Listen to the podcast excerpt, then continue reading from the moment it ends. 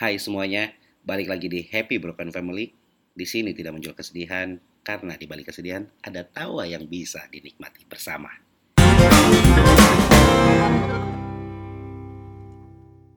Udah dua minggu nih, gue nggak upload eh, podcast ya karena kesibukan, karena aktivitas dan rasa takut. Apakah episode kedua lebih bagus daripada episode pertama? karena jujur aja gue seneng banget dengan respon eh, pendengar atau teman-teman semua yang dengerin sudah mendengarkan Happy Broken Family di episode pertama dan itu membuat gue ketakutan. Uh, gue harus ngapain biar lebih bagus daripada episode pertama.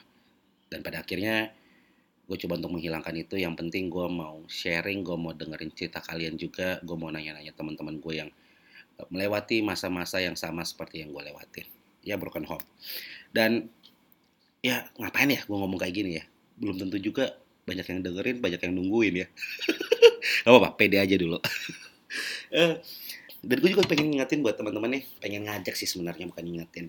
Buat teman-teman yang di luar sana yang punya kisah hidup tentang broken home atau kalian adalah anak dari orang tua yang bercerai atau kalian mungkin adalah orang tua orang tua yang bercerai atau mungkin kalian punya teman, saudara, pacar, mantan atau siapa pun itulah punya kejadian-kejadian yang menarik pada saat dia bercerai, pada saat dia orang tuanya bercerai, kalian bisa sharing ke gue, bisa kirim ceritanya ke gue, langsung aja email ke happybrokenfamily at gmail.com.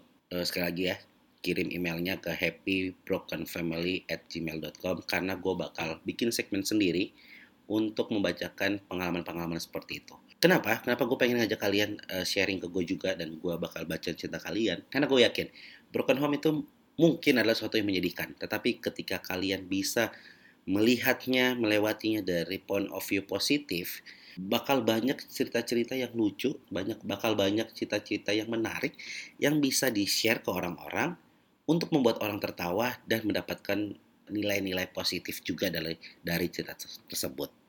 So, gue tunggu ya email-email kalian. Nah, kali ini gue pengen ngawalin episode kedua ini dengan mengucapkan Happy Father's Day buat semua ayah di dunia, ayah-ayah yang uh, dengan tulus ke istri dan ke anak bekerja banting tulang. Mungkin juga selamat hari ayah untuk ayah-ayah yang uh, berusaha bahagia di rumahnya, sayang ke anak tapi tidak sayang ke istri. Atau selamat hari ayah untuk ayah-ayah yang arogan di luar sana. Karena emang benar, nggak semua ayah baik, nggak semua ayah juga buruk kok. Ya, setiap orang punya cara sendiri menjadi seorang ayah. Uh, kenapa gue pengen bahas Happy Father's Day? Karena ini ini pertama ya, ini pertama gue tuh agak kaku untuk ngomong Happy Father's Day karena gue gak pernah pernah sih tapi jarang banget untuk ngomong Happy Father's Day. Bukan karena gue benci bokap gue, kebetulan gue punya dua bokap, bokap kandung dan bokap tiri. Yang kalau gue ucapin pun kadang-kadang gue ucapinnya kedua-duanya kok, nggak ke salah satu doang. Hal itu pun kalaupun gue ucapinnya sering-sering saya tiap tahun berarti ada sesuatu yang gue inginkan lah. Nggak tapi kenapa? Kenapa kenapa harus ada Father's Day? Kalau hari ibu menurut gue tuh harus ada. Karena ibu seorang ibu ya itu mengandung kita 9 bulan mempertaruhkan nyawanya. Terus e, membesarkan kita dengan kasih sayang surga di telapak kaki ibu. Makanya ada hari ibu ya menurut gue oke okay, gitu loh wajar dan emang ibu harus disayang. Nah kalau Father's Day gitu loh karena cowok cowok menurutku tuh nggak nggak ah, gimana ya? Ngucapin selamat hari ayah tuh nggak mungkin bagi gua bukan hal yang biasa tapi buat apa juga gitu loh. Seorang ayah kan bekerja keras bagi keluarganya. Emang bukan jadi tolak ukur ayah yang baik adalah yang cari uang tapi seakan-akan kayak gue bekerja keras nih gue membiayai rumah tangga nih, membiayai lu, membiayai uh, istri. Terus feedback buat gue mana nih? Selamat hari ayah dong. Pamri banget. Tapi setelah gue cari tahu, kenapa ada hari ayah? Ini berawal dari tahun 1910. Seorang anak bernama Sonora Smart, warga negara Washington, dia hidup dengan lima saudara laki-lakinya dan dibesarkan oleh satu sosok ayah bernama William Smart. William Smart ini menikah dan istrinya meninggal pada saat Sonora berumur 16 tahun. Setelah itu William Smart membesarkan Sonora dan anak-anak lainnya, anak-anak lainnya, anak-anaknya dengan seorang diri. Ini membuat Sonora menjadi berpikir, wah ayah gue tuh ayah yang luar biasa. Ayah yang bertanggung jawab, bisa membesarkan anak-anaknya dengan luar biasa Kenapa nggak ada hari ayah? Wes di sini nih. Akhirnya Sonora pergi ke gereja-gereja, lembaga-lembaga untuk mencari dukungan sehingga dibuatlah yang namanya Hari Ayah. Dan apa yang dilakukan Sonora ini berhasil sehingga dijadikan atau dideklarasikan Hari Ayah di tahun 1910 dan di tahun 1916 Presiden Wilson itu melalui telegraf menyebarkan ke semua orang bahwa harus pasang bendera ya pasang bendera untuk memperingati hari ayah jadi usahanya kecapai di sini gue cukup unik mendengar cerita dari uh, Sonora atau background dari Selamat Hari Ayah Internasional ya. Di sini gue simpulin ya, pada akhirnya, pada akhirnya, kenapa Hari Ayah sedunia? Karena istrinya William meninggal sehingga membuat memaksakan posisi William bertanggung jawab pada anak-anaknya. Gue juga nggak percaya, maksudnya ini William emang sampai dia mati nggak menikah gitu? Atau kalau dia menikah emang ibu tirinya nggak jahat gitu kayak Sonora? Atau mungkin uh, William suka bawa perempuan-perempuan lain ke rumah atau nggak sering pulang gue nggak tahu ya tapi yang membuat ada selamat hari ayah adalah ketika istrinya William meninggal bagi gue Di situlah William ngepus dirinya untuk menjadi ayah yang baik buat anak-anak. Ada dua opsi yang bisa terjadi sehingga membuat tidak ada hari ayah. yang pertama, seandainya istrinya William itu nggak meninggal dan William dan istrinya itu baik-baik aja hidup bahagia bersama anak-anaknya. Gue yakin Sonora tuh tidak ada kepikiran untuk membuat gerakan selamat hari ayah tuh gue yakin gak ada. Karena dia melihat bahwa wah ibu gue bahagia, ayah gue bahagia, ayah gue bekerja, ibu gue membesarkan gue. Gak ada tuh kepikiran, wah ayah gue luar biasa ya. Enggak, karena ketutup juga dengan apa yang dilakukan oleh ibunya. Iya kan? Jadi gak mungkin ada selamat hari ayah kalau misalnya istrinya William gak meninggal. Terus opsi yang kedua, seandainya istrinya William nggak meninggal, tetapi William dan istrinya bercerai. Gue yakin banget nih, Sonora itu tetap tetap ke gereja dari gereja ke gereja, tapi bukan mencari dukungan orang mendeklarasikan selamat hari ayah. Tapi kalau misalnya William dan istrinya bercerai, Sonora bakal dari gereja ke gereja untuk konseling pemulihan hati bapak. Aduh, apalagi kalau Williamnya KDRT. nah, itu tuh itu sejarah pertama kalinya ada um, Hari Ayah Internasional. Itu 1910 dan 1916. Nah, sedangkan di Indonesia adanya Hari Ayah Nasional itu tuh baru terjadi di 2006. Dan awal mulanya juga lucu banget.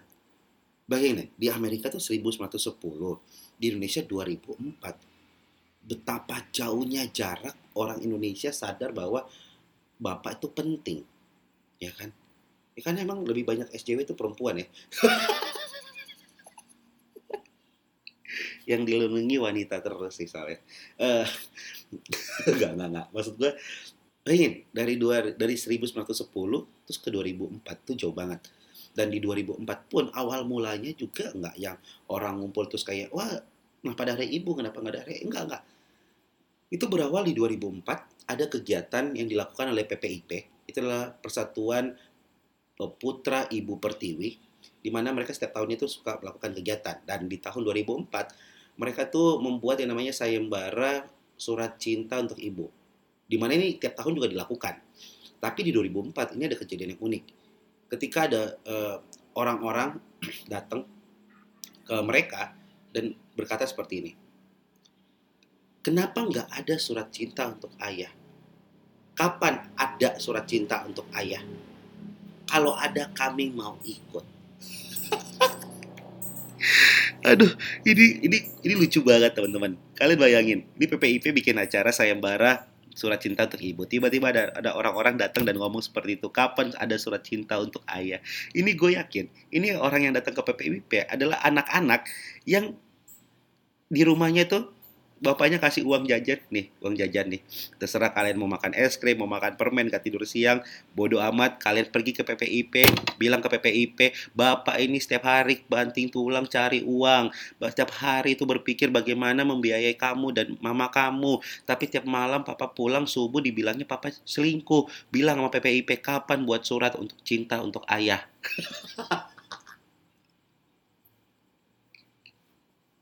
itu tuh itu asal mulanya. Gue yakin banget gue yakin banget.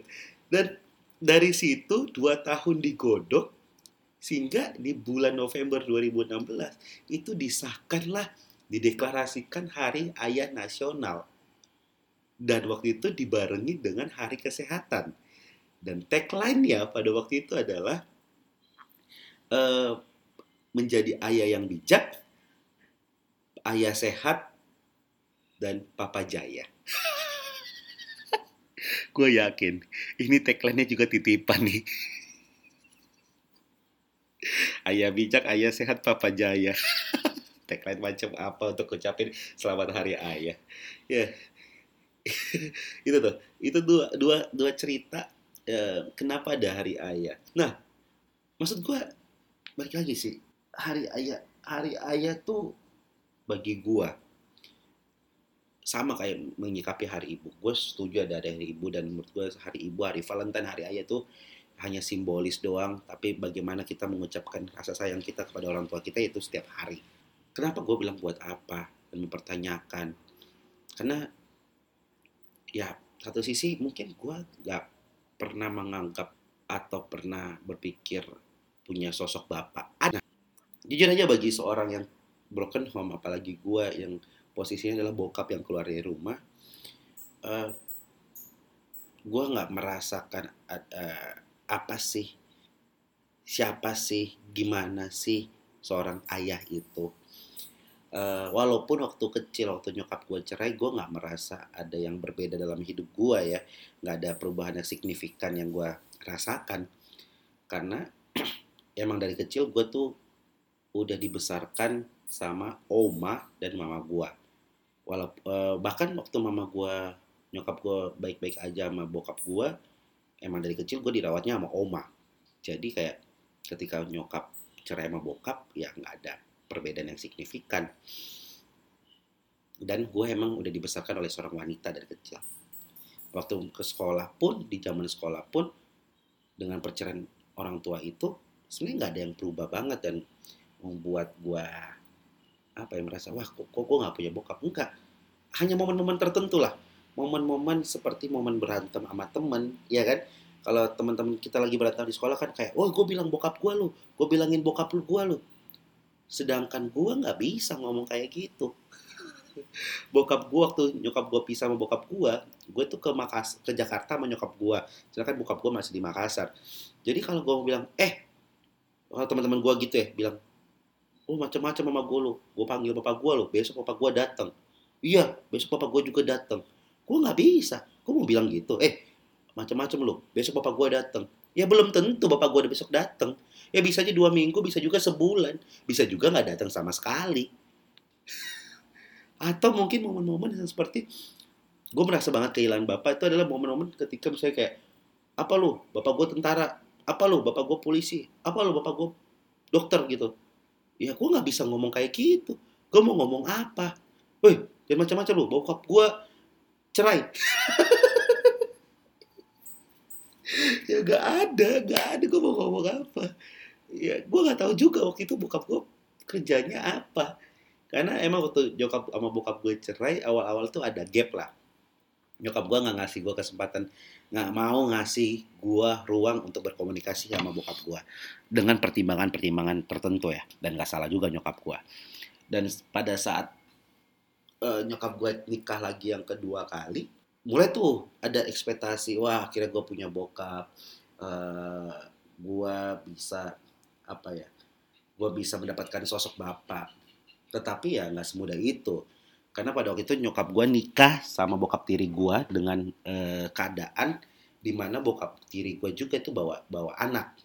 Ada yang tiri gue ada gue eh, dan waktu itu anaknya masih kecil banget kecil banget umurnya sama gue jadi bokap gue ini yang bokap tiri gue ini yang biasanya ngerawat anak yang kecil anak kecil sekarang tiba-tiba dihadapkan dengan anak yang lagi masa-masa puber. Dan di mana kan anak-anak puber itu kan punya ego, punya rasa pemberontakan yang luar biasa. Jadi nggak sinkron tuh sama bokap gue tuh gue. Kayak kayak ya kucing dan anjing aja gitu loh. Berantem terus gue di rumah. Gak tau ya kalian kayak gitu juga gak sih? Kayak contoh deh, misalnya kayak gue tuh dilarang main game di rumah disuruh belajar. Ya bener bener. Tapi kan ada satu momen gue pengen main game juga. Itu gue akalin tuh teman-teman. Gue pasang uh, Telkom Speedy tuh waktu itu zaman-zaman Telkom Speedy yang masih colok ke LAN uh, jalurnya telepon kan. Jadi waktu bokap gua bokap gua kerja, gua pasang Telkom Speedy, gua main game dan bokap gua tahu. Pas bokap gua tahu, bokap gua marah-marah, cabut kabelnya, dibanting routernya. Terus gua kayak, wah, gua nggak boleh main game. Tapi yang bikin gua kesel, bikin gua emosi waktu itu adalah diem-diem bokap gua masang internet di kamarnya. dan lu tahu dia main apa? Main Warcraft dan Dota 1. Lu bayangin gila, pagi-pagi kadang-kadang nih dia nggak kerja demi main. Dia bangun tidur masak Indomie di dalam kamar main game. Itu game udah serasa warnet. Sedangkan gua nggak boleh main game. Makanya kadang-kadang kalau bokap gue di rumah tuh gue lebih suka di dalam kamar sendiri. Pas bokap gue pergi baru tuh gue merasa kebebasan gitu loh. Jadi bagi gue apa yang dilakukan seorang bapak, seorang pria terhadap hidupnya, terhadap anak, keluarga, istri, itu tuh nggak perlu dibalas dengan uh, ucapan selamat atau apa. Enggak sih Enggak, kita tuh cowok nggak seperti itu harusnya. Yang kayak selamat hari ayah ya, ya nggak usah. Seakan-akan kerja keras kita tuh harus dinilai dengan di, di, diganjar dengan feedback selamat hari ayah sih. Walaupun mungkin niatnya sonora itu baik sih, cuman kayak yang enggak lah, nggak perlu sih. ini pemikiran jahat gue ya. ya tapi gue ngomong gini bukan karena benci juga, tapi karena kayak coba nggak usah sih. Walaupun gue tahu gue pun suka kayak gitu. Seorang pria tuh suka banget dengan pujian. Pria itu egonya tinggi. Kita tuh pengen kayak dimak dikasih makan terus aja ego kita tuh dipuji. Ya ya mungkin dengan ada Happy Father's Day itu adalah salah satu hari di mana ego kita bisa dimanjakan ya selama gue hidup tuh gue nggak punya gambaran sosok bapak yang benar yang kayak gimana ya. Walaupun hmm, gue juga tahu gitu. Nggak ada patokan pasti seorang bapak yang baik yang kayak gimana. Karena setiap orang punya cara untuk, untuk menjadi seorang ayah setiap orang punya gaya untuk menjadi seorang ayah. Jadi nggak ada ukuran yang tepat. Menjadi ayah yang baik gimana? Sehingga dari dulu tuh karena gue nggak punya sosok bapak ya, saya gambaran karakter bapak kayak gimana. Ini kalau kita bicara secara point of view agama, kalau dibilang kayak gitu, nggak juga. Karena selama ini gue selalu berpegang bahwa, oke, okay, di dunia ini gue nggak punya bapak, tapi di secara agama gue punya bapak, yaitu Tuhan gue, ya, karena gue Kristen, ya bapak gue di bapak gue yang di surga, Tuhan gitu. Tapi kalau secara duniawi ya emang gue nggak punya gambaran itu aja gitu ya. Ya emang nggak punya sih. Dan gue gue yakin nih kalian juga yang dengerin juga pasti merasakan itu sih. Kayak ketika misalnya orang tua kalian bercerai kan, kalau ketika ibu kalian yang keluar dari rumah dan kalian ikut bapak, pasti kalian kayak akhirnya jadi abu-abu tuh gambaran seorang ibu gimana. Begitu juga kalau misalnya kalian ikut ibu, bapak yang kalian bapak yang kalian yang keluar rumah, pasti abu-abu juga tuh gambaran seorang bapak gimana. Nah, gue dari dulu tuh untuk mengakalinnya dari kecil tuh dari SMP SMA kuliah gue tuh menggabungkan karakter-karakter orang tua orang tua teman gue atau sahabat sahabat gue atau om om gue atau orang-orang lain yang gue lihat yang gue rasa oh ini bapak versi gue karena emang bener bapak yang baik tuh ya ada yang bilang bapak yang baik ayah yang baik ada adalah ayah yang e, bertanggung jawab bekerja cari uang. Tapi menurut gue bapak yang baik tidak dinilai juga tidak selalu dinilai dengan uang. Ada juga bapak yang baik tuh ada bapak yang e, selalu siap sedia untuk anaknya. Ya nggak juga ya karena menurut gue bapak yang baik itu bapak yang yang yang gimana ya? Ini nih susah jadi anak broken home nih. Kalau ditanya bapak yang baik gimana nggak bisa jawab tapi ya karena untuk menjawab itu ya akhirnya tadi gue bilang gue mencari potongan-potongan itu dari siapa pun. Bahkan gue pernah mengambil salah satu potongan figur bapak itu tuh dari pacarnya mantan eh mantan gue waktu itu pacar. Jadi kebetulan waktu itu pacar gue bapaknya pendeta. Dan di situ gue mengambil satu karakter lah yang coba gue adaptasi pada waktu itu. Oh ini bapak yang bapak tuh kayak gini gitu. Sehingga tuh gue tuh lebih kadang-kadang suka lebih betah loh di rumah mantan gue daripada di rumah gue sendiri. Gue lebih suka bantu bapaknya mantan gue daripada bapak gue sendiri gitu. Kalau bapak gue cuci mobil pagi-pagi tuh gue tuh malas banget keluar kamar pasti. Ngumpet pura-pura tidur.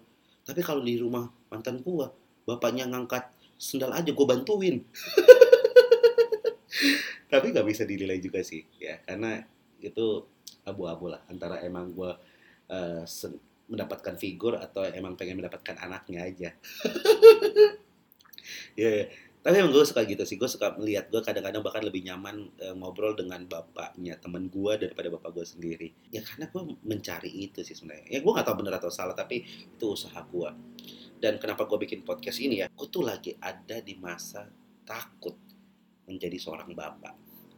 Jadi dua bulan lagi di sekitar bulan September uh, istri gue bakal lahiran anak gue bakal lahir dan kalau periksa terakhir minggu lalu jenis kelaminnya wanita. Awal denger sih ya biasa. Bagi seorang pria kan pengen anak pertama tuh cowok kan. Tapi ternyata Tuhan ngasihnya anak cewek. Ya gue bersyukur gue punya anak cewek nantinya. Dan itu jadi ketakutan sih. Karena gue nggak punya sosok bapak. Nggak gue punya tapi gue tetap takut gitu loh. Jadi podcast ini tuh gue sebenarnya pengen ngomong ke diri sendiri. Sebenarnya gue kayak gusar dan akhirnya gue pengen bikin. Karena gue pengen menjadikan refleksi bagi gue sendiri menjadi apa ya gue pengen ngomong sama diri gue sendiri gitu kayak ntar lagi gue jadi bapak. Uh, dan gue ketakutan gitu teman-teman. Ya emang emang emang gue nggak tahu apakah semua anak-anak broken home seperti itu atau enggak tapi yang gue alamin tuh seperti itu gitu ketakutan. Bukan bayang-bayang uh, omongan orang kayak jangan jadi kayak orang tua. Itu tuh menghantui. Ataupun yang gue takut nggak bisa jadi bapak yang baik itu menghantui. Walaupun gue kayak dalam diri gue nih mencoba untuk meyakinkan diri gue bahwa enggak enggak gue harus jadi ayang baik buat anak wanita gue ini uh, nona kecil gue ini nantinya nggak muluk-muluk sih. Gue tuh pengen apa ya gue pengen harapan gue ya gue mau jadi ayah yang anak gue nggak perlu tahu gue kerja apa. Bukan bukan. Anak gue nggak perlu tahu gue tuh kerja secapek apa. Yang perlu anak gue tahu adalah ketika dia pengen cerita ada gue yang siap dengerin dia cerita. Ketika dia nangis ada gue yang mendengarkan kenapa kamu nangis?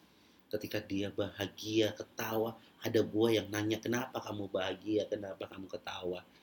Ketika dia ada yang sakitin dia dia tahu ada orang yang bakal siap membela dia di saat dia benar dan di saat dia salah dia tahu ada orang yang siap marahin dia. Gue nggak tahu itu muluk-muluk atau enggak ya teman-teman. Tapi ya cukup dengan dia tahu itu udah membuat gue seneng nggak perlu dengan Happy Father's Day bagi gue itu hanya ucapan belaka pada akhirnya banyak kok orang yang nggak akrab dengan bapaknya. Banyak yang orang benci dengan bapaknya. Bahkan ada kisah banyak banget kejadian-kejadian ada orang yang bunuh bapaknya atau bapaknya bunuh anaknya karena menurut gue gue lebih lebih terharu lebih dapet ketika anakku cukup tahu kok cukup tahu bahwa dia ada ada sosok yang bukan pahlawan gue nggak mau jadi pahlawan tapi gue pengen jadi sahabat bagi anak gue gitu yang selalu siap. Ya gitu sih. Ya balik intinya sih gue nggak tahu ini ada intinya atau enggak podcast gue kali ini. Emang jadi broken home tuh nggak gampang. Kita ada punya trauma sendiri ya yang harus kita lewati. Dibilang trauma ya gue nggak udah nggak trauma cuman apa ya tetap deg-degan aja sih sebenarnya. Karena ya anak broken home itu asik kok sebenarnya teman-teman. Ya nggak? Asik kan ya? Kayak gue mau minta kayak dulu deh waktu zaman sekolah mau minta uang jajan tuh paling asik ketika jadi anak broken home karena ketika orang tua lu akur nih lu minta duit ke nyokap. Misalnya mah ada acara ke acara sama teman-teman sekolah mau ke Dufan. Mau bilang ya udah minta ke bapak. Selesai. Atau kebalikannya minta ke bapak kalau bilang ya udah minta ke mama sana. Udah selesai. Dapat uangnya cuma sekali. Tapi kalau broken home enak teman-teman. Misalnya nih eh, kayak, kayak kayak tadi tuh orang nyokap bokap gue udah cerai gitu. Gue datang ke nyokap gue mah mau ke ancol sama teman-teman sekolah minta duit dong. Zaman zaman SMP nyokap gue bilang aduh nggak ada uang ngapain kamu ikut ke Dufan? Nggak usah lah ke segala macam udah di rumah aja. Nggak dikasih gue telepon bokap gue pah ini mau ke Dufan nih sama ini sekolah. Minta duit dong. Ah mama kenapa nggak kasih? Iya mama nggak kasih nih.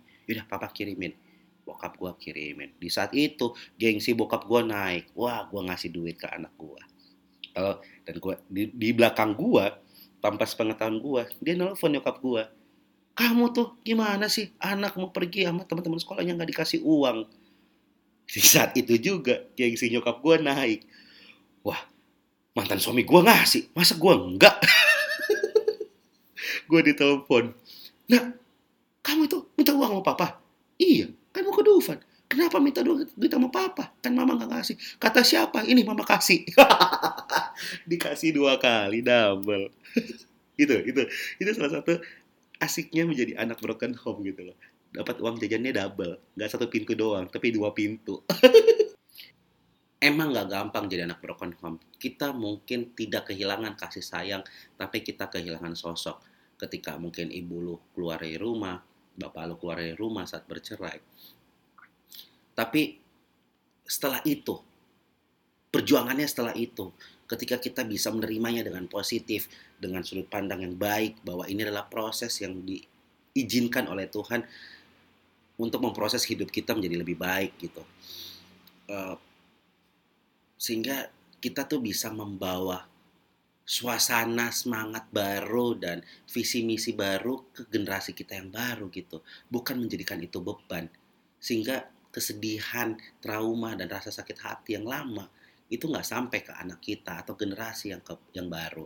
Itulah kenapa gue pengen banget menurut gue nggak perlu diucapin selamat hari ayah. Cukup anak gue tahu bahwa ada seorang sahabat bapaknya yang baik yang siap sedia buat dia karena pada akhirnya nggak selamanya kok broken home itu nggak bahagia banyak kok yang keluarganya broken home tapi dia bahagia dia sukses karena mungkin sosoknya hilang tapi kasih sayangnya nggak hilang.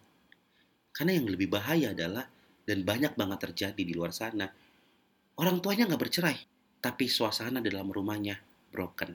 Itu yang bahaya. Happy Father's Day. I love you, Pa. Di mana pun Papa dengerin. Thank you.